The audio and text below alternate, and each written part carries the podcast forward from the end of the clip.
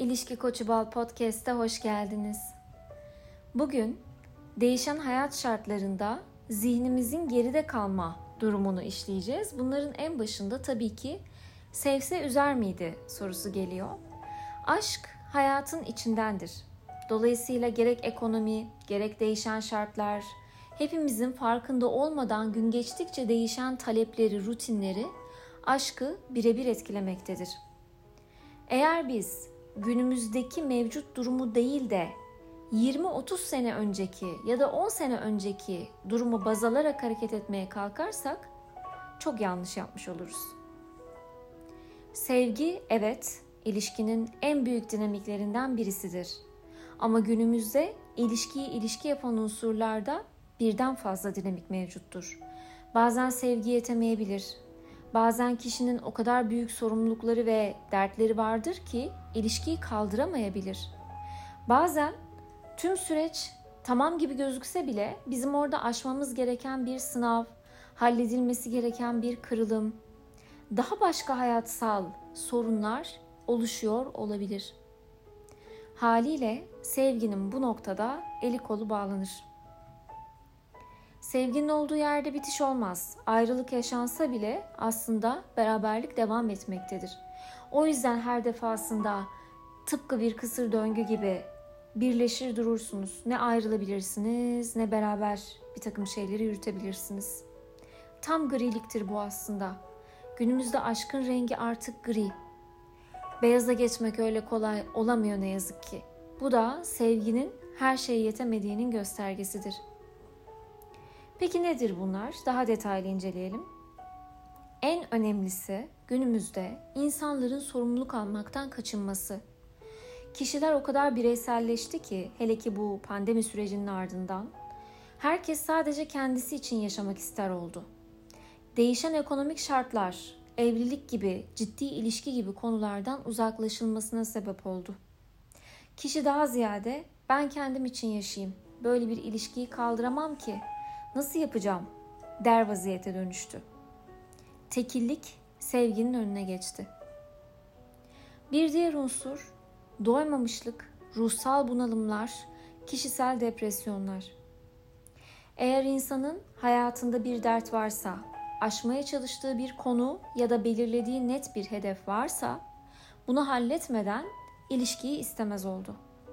Sevse bile sanki ilişki onun enerjisini sömürecekmiş gibi hissettiğinden veya karşı tarafın ona yükleyeceği anlam ve beklentiden korktuğundan dolayı aman dedi ben ilişkide olmayayım ben önce şu şu şu hedeflerimi bir halledeyim sonrasında ilişkiye bakarım denmeye başladı ve ilişkiler işin geri planına atıldı.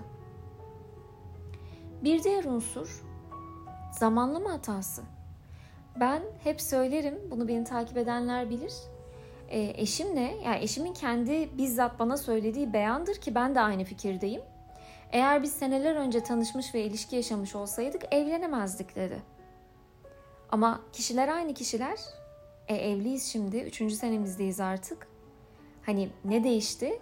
Şimdi o zamanki şartlarla, bakış açımızla, vizyonumuzla, hayattaki kırılımlarımız ve mevcut şartlarımızla bambaşka iki insandık aslında.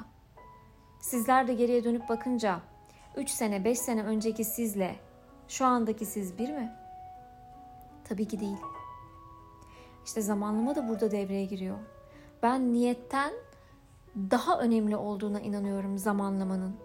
Yanlış zamanda gerçekleşen bir niyet heba olup gidebilir, mahvolabilir. Ama doğru zamanda olduğunda her şey akar ve ilerler. Yani eğer sizi üzüyorsa bu sevmiyor anlamına kesinlikle gelmiyordur. Evet bundan 10 sene öncesinde bu soruyu sorsaydınız sizi üzüyorsa sevmiyordur derdim. Ama tıpkı jenerasyonların değiştiği gibi ilişkiler de kabuk değiştiriyor. Ve günümüzde artık sevgi tek başına yetmiyor. Bunu bizzat çevremde de, danışanlarımda da gözlemleyerek söylüyorum size. Kimi insan var, çok seviyor, sürekli onu düşünüyor, ama diyor ki yok yani ben şu an yapamam. Benim şu an kendi hayatımda şu şu şu konular var ve ben bir ilişkiye hazır değilim diyerek kaçan, sevmesine rağmen, onu her gece düşünmesine rağmen asla karşı tarafa belli etmeyip kendisini izole eden birçok insan tanıyorum. Çünkü artık çoğu insan bencilleşti ve öncelik olarak kendisini tutuyor. Tabii bir de e, en büyük konuyu sona sakladım. Tutum hataları.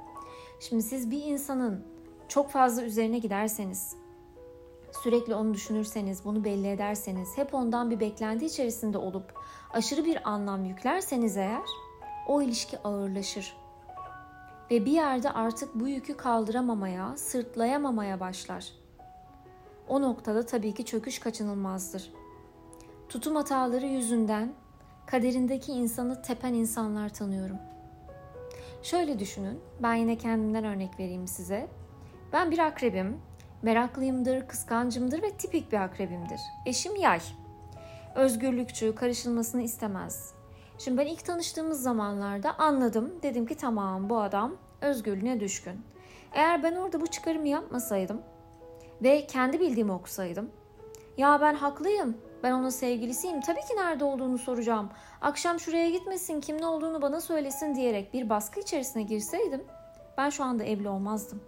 Çünkü o da o insanın normali. Bir insanın özünde özgürlükçülük varsa eğer onun alanına müdahale ettiğinizde buna hakkınız bile olsa ilişkide haklı haksız önemli değildir ki. Hakkınız bile olsa karşı taraf bundan rahatsız olur. Ve sizinle bir gelecek düşünmemeye başlar. O insan kaderinizde olmasına rağmen. Çünkü kader gayrete aşıktır. Biz onların kaderini kendi çabalarına bıraktık. İsra suresi. Burada Allah'ın verdiği akıl ve fikir de elbette devreye girer. Hani orada e, bizim çözümlemelerimiz, mantıklı davranmamız, otokontrolümüz, kendi olgunluğumuz devreye girer. Bizi mantık kurtarır. Anlık, içinden geldiği gibi herkes davranır. O en kolayı. Kolay olduğu için verimsiz. Ama zor olan o otokontrolü, o aklı, o stratejiyi, o büyük resmi görebilmeyi başaran gerçekten de yol alan insandır. Bunlar taktik değil. Bunlar doğru davranış. Bir süre sonra sizin de zihninizde neyin doğru neyin yanlış olduğu oturduğunda ben bunu yaparsam şunu elde ederim, şunu yaparsam da bunu elde ederim. Denklemleri zihninizi tamamen bilincinize oturduğunda zaten bu sizin normaliniz olacak. Normaliniz olduğunda da her şey akıp ilerleyecek. Bir diğer unsur kendimizi değil de onu merkezimize almak. Oysa hayat bizim. Ama biz onu merkeze aldığımızda ne oluyor? O dengeler bir güzel devriliyor. Ve hayat diyor ki bize hayır sen onu değil kendini merkeze almalısın. Ben bu hayatı sana verdim diyor. Ve ta ki biz merkeze tekrar kendimizi koyana kadar bekliyor. Süreç duruyor. Oradaki sınavımız bu oluyor. Ve bu, biz bu sınavı verince ödül de devamında tabii ki geliyor. Artık değişen şartları kabul etmeliyiz. Mantıksal bakış açılarından bakmalı, sözlerimizle değil, algı yönetimiyle olayları ilerletebileceğimizin farkında olmalıyız. Çünkü bizi bu istediğimiz sonuca götürecek.